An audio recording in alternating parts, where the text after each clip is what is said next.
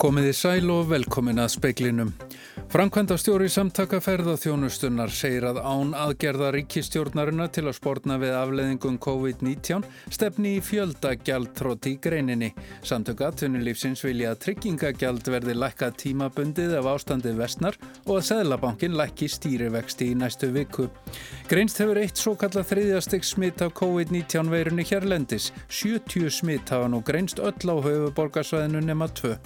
Kári Stefánsson, forstjóri íslenskrar erðagreiningar, telur að veiran sem veldur COVID-19 sjúkdómnum sé orðin töluvert útbreyt á Íslandi.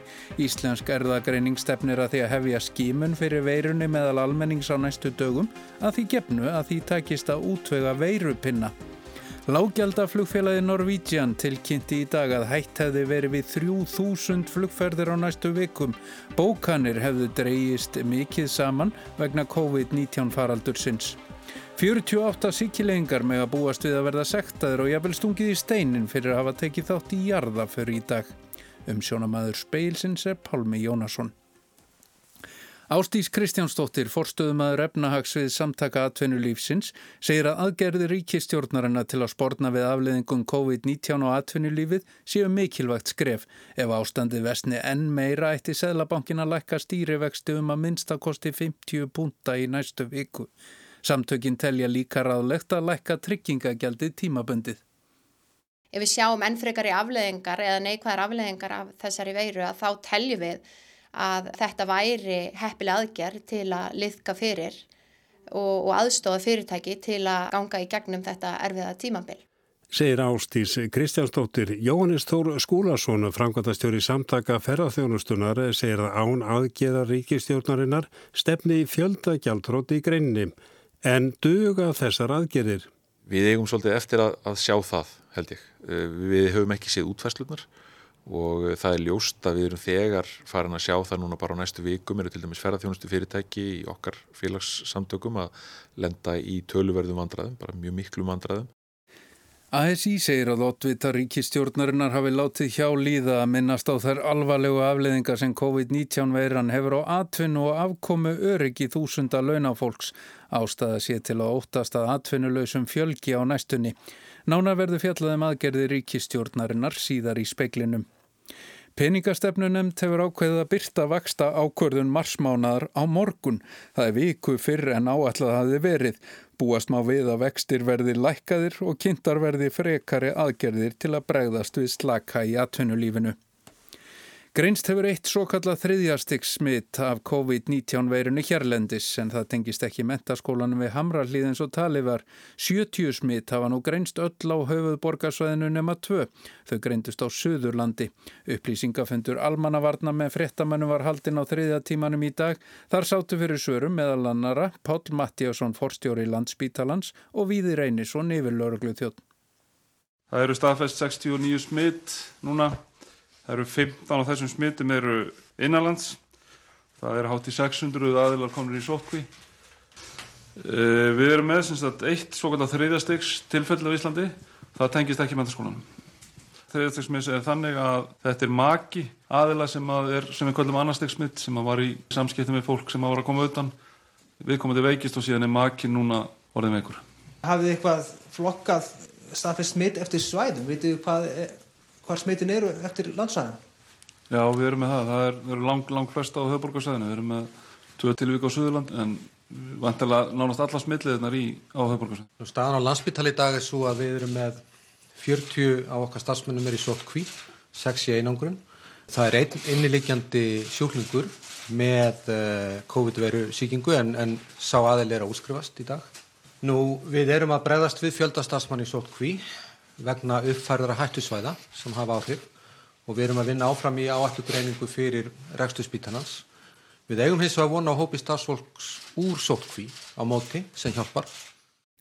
Þetta voru Pál Mattíasson og Víðir Reynisson. COVID-19 veirufaraldurinn hefur valdið flugfélugum þungum búsifjum. Bókanir hafa dreyist mikið saman og í mörgum ferðum eru afar fáir farþegar. Lágjaldaflugfélagi Norvídjan tilkynnti í dag að hægt hefði verið við 3000 flugferðir á næstu vikum. Bókanir hefðu dreyist mikið saman vegna COVID-19 veirufaraldusins. Í tilkynningu flugfélagsins segir og að viðræðu séu hafnar við verkalýsfélög starfsmanna um að hluti þeirra fari í launalust leifi. Tæflega 11.000 starfa hjá Norwegian. Fjöldi annara flugfélaga þar að meðal Æsland er hafa fækka ferðum á nestunni vegna COVID-19. Norræna flugfélagi SAS hefur beðið starfsfólkum að minka vinnu og launum 20% næstu þrjá mánuði frá þessu er skýrti í norska dagblæðinu Dagins Neringslíf. Í bandaríkjónum hefur American Airlines tilkynnt um 7% af fækkun ferða Forráðamenn breska flugfélagsins Virgin Atlantic staðföstu í dag að margar flugvilar félagsins flýju með örfáa farþega. Flugfélagið hefði ekki felt ferðirna nýður vegna reglna Evrópusambansins sem hvæðu á um að flugfélag gætu mist lendingarleifi ef þau nýttu þau ekki. Bói Ágústsson sagði frá og undir kvöld tilkynnti franska flugfélagið er frans að það ætlaði að fella niður allar flugferði til Ítalju frá næsta lögadegi til 3. april. Fram að því verður flóið til allar áfangastað á Ítalju einu sinna á dag. 48 síkilegingar með að búast við að verða sektaður og jafnvel stungið í steinin fyrir að hafa tekið þátt í jarðaför í dag. Stjórnveldi í Róm hafa lagt blátt bann við samkomahaldi af öllu tægi til að hefta útbreyslu koronavirunar, þar á meðal brúköpum og jarðaförum. Hópurinn var að fylgja bæjarbúa til gravar í þorpinu Porto Empedolce við suðvestur strand Sekilegar þegar vekkfarandi let lóregluna vita. Hún staðvaði líkfyldina í snatri. Hver á eitt sem tók þátt í aðtöfninni á 206 efra sekt yfir höfði sér um það byrð 31.000 krónur og hugsanlega alltaf þryggja mánada fangilsistóm. Yfir 9.000 manns hafa síkst af koronaveirunni á Ítalju á síðustu þremur vikum. Hún hefur orðið á 500 að bana. Engin döðsföll hafi verið tilkynnt á síkilei til þessa. Þar hafa 54 grænst smitaðir. Tilskipun stjórnvalda er þó í fullu gildi þar eins og annar staðar á Ítalju. Mælst er til þess að fólk haldi sig heima til að koma í vekk fyrir að veiran breyðist út. Giuseppe Conte fórsætti sér á þeirra segir að það sé besta ráði til að koma í vekk fyrir að viðkvæmustu hóparnir smittist. Það er aldraðir og fólk með ákveðin undirlíkjandi helsufarsleg vandamál svo sem háan blóðþrýsting og hjertasjúkdóma sikursíki, lungnateppu, nýrnabilun og krabbamein. Áskir Tómasson sæði frá. Og nú rétti þessu var almannavarnadeild ríkislauruglustjóra að byrta nýjar tölur um fjölda þeirra sem eru smittaður af COVID-19 veirunni hérlendis. Seks ný tilfelli af COVID-sjúkdónum voru greint síðdeis. Tvöð þessara fimm smitta eru smitt innanlands verið þeirra rekja smittin. Fjöldi smittara er því 76. Vladimir Putin fórseti Rúslands útilokar ekki að bjóða sig fram til endur kjörs árið 2024. Hann greindi þingmönnum á rúsneska þinginu frá þessu í ræðu í dag. Gefa þarf út við auka við stjórnarskrá landsins til að það geti gerst. Putin sagði að ef rúsneski stjórnlega domstólinn fjallist á veiðaukan fyrir sitt leiti gæti hann bóðið sig fram. Þingi samþykti í dag tilögur Pútins að breytingum á stjórnarskrá landsins. Breytingarnar verða borðnar undir þjóðaratkvæði 22. apríl. Pútin er 67 árað aldri. Hann hefur verið við völdi í Rúslandi frá árinu 1999 sem fórseti og forsættisráð þeirra. Nú stendur yfir samningafundur eblingar og sambands íslenskra sveitafélaga fyrir hönd Kópavóks, Moselsbæjar, Seltjarnanes, Hveragerðis og Ölfus. Verkvall 300 félaga í eblingu sem vinna hjá þessum bæjarfélagum hófst í gær. Langflestir vinna hjá Kópavóksbæ. Verkvallið hefur meðal annars áhrif á þrif, ræstingar og mötuneyti í grunnskólum. Ebling samti við Reykjavíkuborg í nótt og laug þar með þryggja vekna verkvalli. Sólveg Anna Jónsdóttir er formaður eblingar. Við gerum kröfu að leiðrétting verði þar líka sambærileg við þá sem við náðum fram hjá borginni og nú skulum við bara sjá hvað sveitafélagin segja. En við lítum svo á að okkar málflutningur, hann sé bara með þeim hætti að þau hljóti að bregðast við með jákvæðum hætti. Er þessar samningavirðar einhver leiti frábröðunar þeim við Reykjavíkborg? Ég myndi bara segja að allar þær samningavirðar sem við höfum verið í núna hafa bara verið mjög ólíkar. Borgin hefur reynst okkur, já, bara mjög erfið. Þar var mikil þvermóðska í gangi lengi. Þetta er lókin búistu við að semja í dag?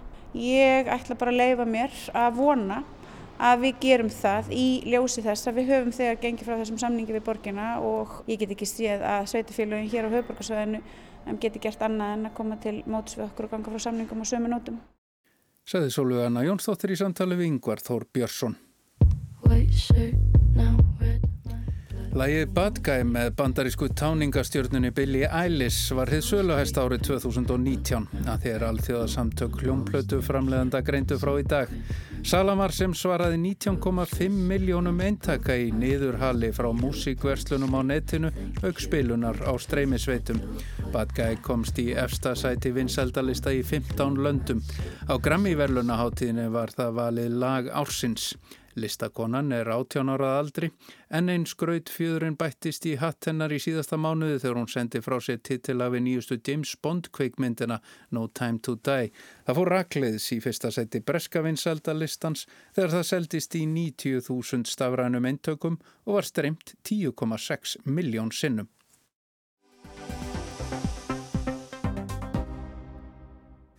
Framkvæmdastjóri samtaka ferðarþjónustunar segir að án aðgerða ríkistjórnarinnar stefni í fjöldagjaldtrótt í greininni. Ríkistjórnin kynnti í dag aðgerði til að mæta efnahagslegum áhrifum vegna útbreyslu COVID-19. Samtök atvinnulífsinn segja aðgerðina mikilvægt skref ef ástandi versni sé eðlilegt að lækka tryggingagjaldi tímabundið og að Sælabankin lækki stýrivexti. Án aðgerða og með áframhaldandi frosti í, í bókunum inn, langt inn í sumarið þá tel ég að, að hægt sé að fullir að við myndum horfa fram á e, fjölda gjaldróta í, í greininni og, og með tilherrandi efnahagslegum áhrifum. Segir Jóhannes Tór Skúlason, framkvæmdastjóri samtaka ferðarþjónustunar.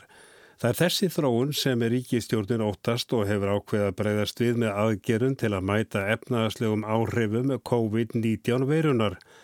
Markmið þeirra er að draga úr tjóni og tryggja neikvæði áhrif að atunlíf og efnahag vari sem skemst.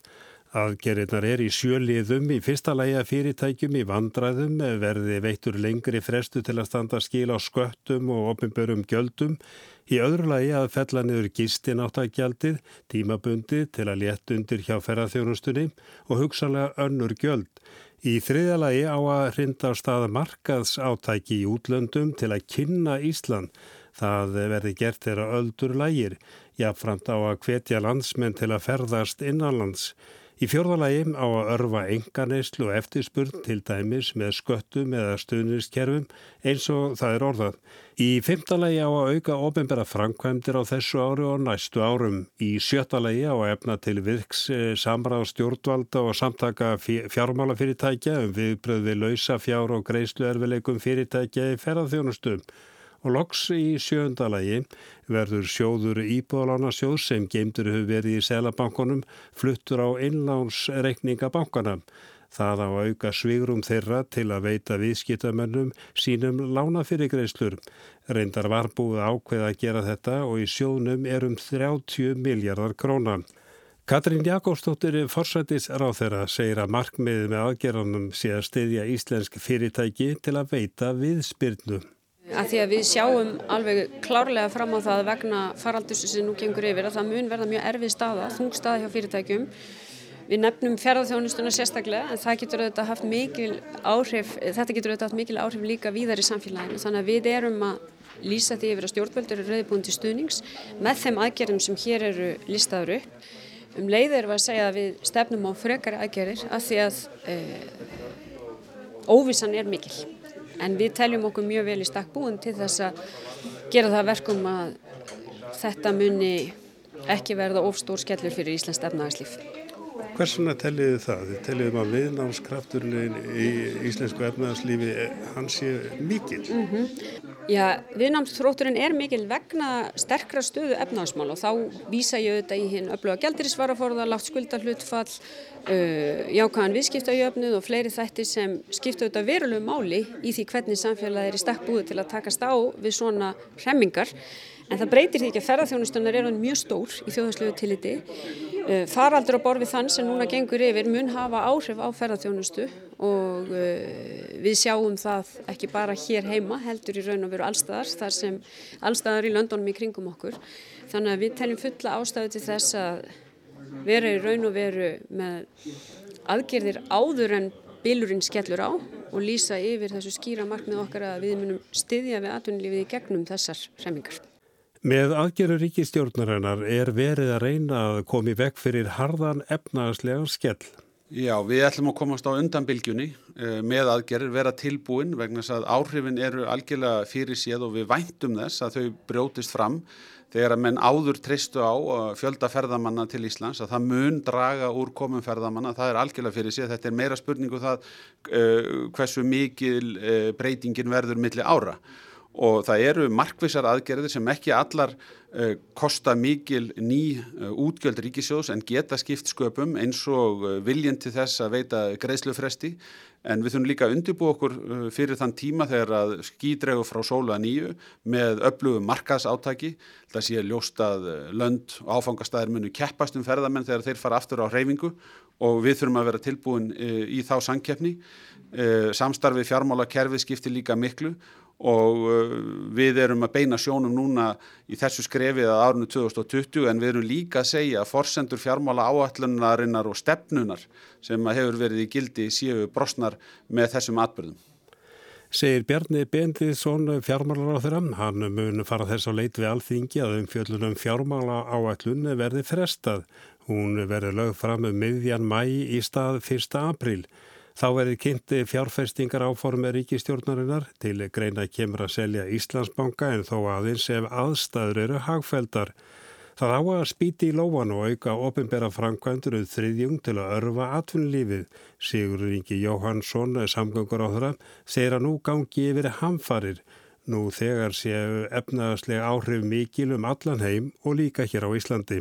Þess vegna verða sjálfgefið á okkar mati og mín, mín, mín skoðun að taka í raun og veru úr sambandi fjármálastöfnu og fjármála áallun og reglurnar og gera nú það sem að okkur finnst vera skinsamlegast þess að breyðast við. Eh, það sem við erum að kynna hér í dag eru svona fyrstu skrefin í því að búa til svona sveianlegra umhverfi fyrir, fyrir fyrirtækinu landinu, reynlega að lifa af næstu mánuði en á sama tíma að horfa þá í fjárfestingu á þessu ári sem og fjárfestingar átæki næstu þryggja ára sem að gæti numið alltaf þriðjungsaukningu frá því sem við þekkjum í dag. Þar til viðbótar munum við líka eiga samtal við sveitafjörlein í landinu og þess aðra ofinbæra aðlar sem eru fyrirtæki í ofinbæra eigu, Landsnet, Ísafja, Landsverkun og slík, Rarik og slíkir, slíkir aðlar um að þeir uppfæri sínar, sínar fjárfestingar í því skyni að búa til fleiri störf, byggja hér upp sterkar innviði, við nú fjallaðum það fyrir vetur að það er þörf á því Þannig að þegar að þessu verkefni er lokið að þá stend, stöndur samfélagið rann og veru mjög sterkar eftir. Það er ekki síst vegna stöðunar í ferðarþjónustinni sem ríkistjórnin ákveður að bregðast við. Jóhannes Þór Skúlason, framkvæmdastjóri samtaka ferðarþjónustunar, sagði hér í upphafi að það stemdi í fjölda gjaldtrótt ef ekkert væri aðgert. En hvernig hugnast honum aðgeri ríkistjórnarinnar? Duga þær? Við hljóttum í fyrsta lega að fagna því að ríkistjórnin stýji fram með þessum hætti og, og í rauninni lýsi því yfir með þessu að hún ætla að taka sér stöðu með atvinnlífinu og, og vinna með atvinnlífinu til þess að minka eh, skadan sem að efnahagur og samfélag er að fara að verða fyrir. Eh, það er í fyrsta lega mjög mikilvægt og, atvinnlífið mun að sjálfsögðu vera reyðbúið að vinna með stjórnin í útferslum á þessum málum og eftir aðtökum hvort það þarf að ganga lengra. Eh, staðan breytist frá viku til viku og eh, við sjáum það að löndin í kringum okkur eru að horfa til ímissa aðgerða í svipuðum dúr sem er að ganga heldur lengra, sem er að ganga skemur og þetta fer allt eftir held ég aðstæðum og við verðum að vera tilbúin, að vera sveianleg með, með þessa hluti eh, og bæði ríkistjórnin og, og, og þá í saminu með atvinnlífið og fjármálastofnunar til þess að takast á við þennan vanda eftir því sem að þróast. En hverju viðbröðu samtaka aturlífsins Ástís Kristjánsdóttir, fórstuðumöður efnahagsviðs SA, segir að þetta sé mikilvægt skref. Það sé ljóst að COVID-19 sé að og muni hafa neikvað áhrif á Íslenskt aturlíf og þar að leiðandi á efnahagslífið. Við teljum að þetta hafi verið mjög mikilvægt skref þó svo auðvita að það er kannski svona mörgum spurningum ósvarað og þá eftir að útfæra einhverja aðgerðir. En þessar aðgerir eru með að, að því að, að hjálpa þeim fyrirtækjum sem þurfa aðstóða að halda yfir svona þennan tímabundin vanda og auðvitað vonandi að þær muni duga til. En hins vegar auðvitað verðum við að hafa í huga að, að það er áfram enn mikil óvisa og við vitum í raun ekki hvenar tekst að stöðva útbreyslu veirunar. Þannig að ef þessi óvisa heldur áfram þá munu þetta afleðingana vera þeimun verri og þá svona telju við að það verði þörfa á frekari aðgerðum.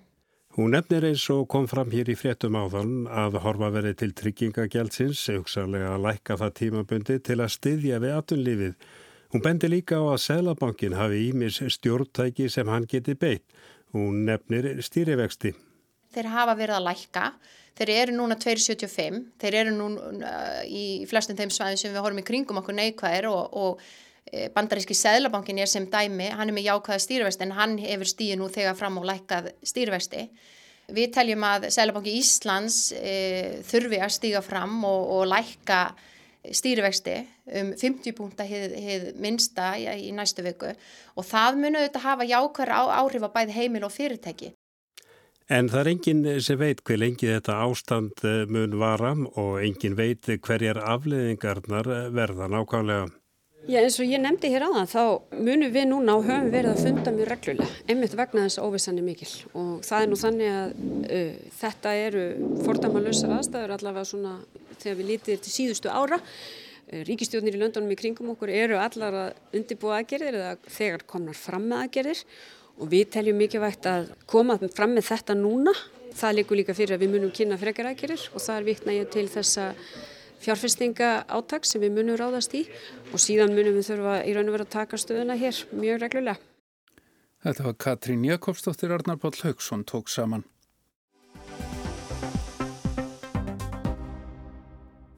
Kári Stefánsson, forstjóri íslenskrar erðagreiningar veðjar á að veiran sem veldur COVID-19 sjúkdómnum sé orðin töluvert útbreyta á Íslandi. Íslenska erðagreining stefnir að því að hefja skímun fyrir nýju koronaveirunni meðal almennings í lok þessarar viku. Fyrirtæki vinnu verkefnið undir stjórn sóttvarnarlæknis. Allt veldur á því hvort fyrirtækinu tekst að útvöga veirupinna svo hægt sé að taka síni. Þórólfur Guðnason, sóftvarnarleiknir, saði á bladamannafundi í gæra samstarfið við íslenska erðagreiningu væri mjög mikilvægt. Þannig að við getum fengið góða mynda því eh, hvort að samfélagssmitt er algengara heldur en við vitum um og það mun eh, stýra mjög mikið því eh, til hvaða aðgerða við munum grýpa. Þessi vinna er ekki alveg tilbúin að fara í gang en vonandi mun hún hefjast núna síðar í vikunni og, og það verður auglist nánar þegar að því kemur.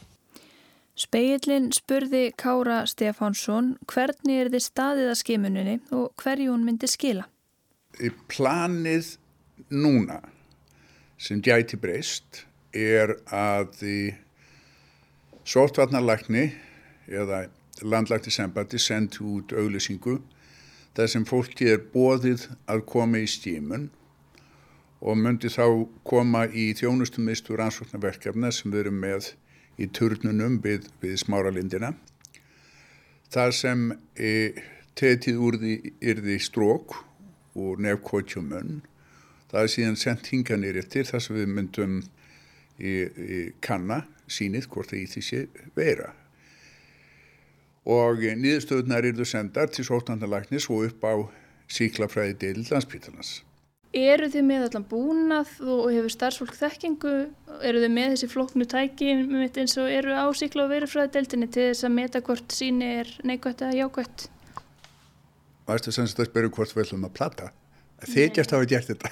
Nei, ég er bara að vita að það er búnaður. Já, já, nei, við höfum meil, við, við höfum sá búnaður sem er, er erfiðast að fá í dag er eftir þessi flóknu búnaður. Það sem vantar eru þessi pinnar til þess að taka sín úr, úr nefhóli og munni og það er það sem við erum að býða eftir í að fá. Síðan pöntuðum við eina maskínu til þess að einangra RNA af þessum, af þessum eh, pinnum. En stóra vandamálið er að fá pinnana. Ég er búin að vera hringt út um allan heim að, að betla pinna og hefur gengið heldur illa. Er þið það mikil fyrirstæði að þeir fást ekki? Getur við jafnvel framleitt á hér? Ég er alveg vissum að það er hægt að, að, að eh, setja saman svona pinna upp á Íslandi það þarf bara vilja til þess ég, ég er alveg, alveg sem að það er hægt en, en menn hafa tilningu til þess í dag að grípa til þess sem er, er tilbúið fyrir þá þurfa bara að, að taka einhverju út og pakka og stinga upp í nef og við erum menn í þeirri stellingu vegna þess að við regnum ekki með að geta byrjað fyrir inn í, í svona setni hlut af þessari viku og uh, við bara sjáum til. Ég, ég vonast þess að við fáum. Mér sést að, að, að uh, síkla fræði dildun upp á landsbytla að við panta 9000 pinna og þegar ég kom í þessari viku við settist nöður í djær og pantuðum pinna líka úr annari átt í þeirri vonað að, að önnur hvora þessum áttum megi pinn og þessi pinn og geti sett okkur að fljóðlega. Kári segir að hver sem er geti óskað eftir því að koma í skimun hjá Íslenskri erðagreiningu. Og ég rekna með því að það verði örtröð, ég rekna með því að það séu mjög margi sem vilja koma og við ætlum Moskva einfallega ekki að velja. Í þau tilfelli sem hafa verið staðfest í dag hafa vissuleiti verið valin. Það er fólk sem hefur verið að koma frá hættusvæðum og síðan þeir sem hafa verið í snertingu við það svo koma frá hættusvæðum. Þannig að þar hefur verið mjög einbeitt val Afleðingin af því er svo að, að það hafa fundist mjög margir í hópi þeirra fáu sem hafa verið stímaðir en gallin á því er að það þýr að við höfum eitthvað hugmyndum hver dreymingin er í samfélaginu almennt. Svo við ætlum að, að taka fólk á þess að, að velja í þeirri von að við okkur tætist þá að sína fram á hver dreymingin er raunverulega í samfélaginu. Og ég sjálfur, ég, ef ég, ég, ef ég er ef mér er þið þrönga til þess að veðja þá myndi ég veðja á að hún bara komin mjög víða í samfélaginu. En það er bara dískun það er bara afdískun ég hef ekkert sem stiður það. Auk þess að greina hvort sínin sem sapnað verður frá almenningi reynast jákvæð eða neykvæð hyggst starfsfólk íslenskrar erðagreiningar raðgreina þau jákvæði. Og þetta myndi gefa okkur tætifæri til dæmis til að vita hvort að öll sítindin á Íslandi sé af sama stopni eða hvort þá múl sé að fleiri en einu stofni, hvort við séum bæði með þetta S-form og L-form af verunni og síðan myndum við sjá hvernig hún stökkbreytist, hún flist frá manni til manns. Vegna þess að þessi víru stökkbreytist, eða veira stökkbreytist tölvöld mítið, það býði þetta upp að þann möguleik að rétja smítið í djögnum stökkbreytingar í verunni. Raðgreiningin geti gefið upplýsingar um hver smitaðist af hverjum og þannig haft áhrif á hvernig sóttkví er beitt. Þá geti raðgreining varpað ljósi á hvort COVID-19 eigi eftir að staldra við lengi. Svo hægt er fyrir hendi að svona stöppbreytingar leiði til þess að veiran finni leið fram hjá ónæmiskerfi líkamanns. Þannig að þó svo þið smittist hann í dag verður ónæm fyrir henni eins og henni í dag þá getur orðið vikvam fyrir henni aftur setna þessu ári eða á næsta ári. Þannig að það er svolítil hægt af því að COVID-19 verði eins og einhvers konar arftæki influensunar að það verði ástíðabundin sýting af hennar völdum. Kári segir að komi í ljós að veiran sé orðin mjög útbreytt hér sé sótt hví gagslaus. Það var hægt að, að hleypa öllum þessum nöðgrupum út í fjósunu, það væri bara vor. Sótt hvíin er hamlandi, hún, hún er byrða á samfélaginu og ef veiran er komin út um allt þá er hægt að slepp henni. Áfram þyrti þó að reyna að verja eldra fólk og fólk með undirlikjandi sjúkdóma, ekki ósvipað og í influensufaraldri. Hann segir vonandi hægt að búa til bóluefni að minnstakosti fyrir þeim stopni sem er ráðandi í dag. Og svo eru líka aðilar út í heimi sem er að reyna að búa til meðferð við sýtingunni þegar hún er sem verst. Það er að segja að búa til koktel af mótefnu dveknveirunni sem hægt var að gefa þeim sem, að, sem eru lastnastir. Þannig að það er ekki öll von úti þó sem hún kunna vera mjög útbreytt. Sagði Kári Stefánsson, Arnildur Haldánadóttir tók saman. Í speiklinu var þetta helst. Framkvæmdastjóri samtaka ferðaþjónustunar segir að án aðgerða ríkistjórnarinnar til að spórna við afleðingum COVID-19 stefni í fjöldagjaldtrótt í greininni. Samtöku aðtunulífsins vilja að tryggingagjald verði lækkað tímabundið af ástandið vestnar og að Sæðlabankin lækki stýrivexti. Greinst hefur eitt svo kallað þriðjasteg smitt af COVID-19 verunni hérlendis. 76 smitt hafa nú greinst öll á höfuborgarsvæðinu nema 2. Kári Stefánsson, forstjóri íslenskrar erðagreiningar, telur að veiran sem veldur COVID-19 sjúkdómnum sjóðin töluverð útbreyta á Íslandi. Íslensk erðagreining stefnir að því að hefja skimun fyrir veirunni meðal almennings á næstu dögum að því gefnu að því tækist að útvega veirupinna. Lágjaldaflugfélagi Norvítsján tilkynnti í dag að hætt hafi verið við 3000 flugferðir á næstu vikum. Bókanir hefði dreyist mikið saman vegna COVID-19. Og 48 síkilegingar með að búast við að verða sektaður og jafnvel stungið í steinin fyrir að hafa tekið þátt í jarða fyrir í dag. Það er ekki fleira í speiklinum. Tæknum að það var Mark Eldrett. Verðið sæl.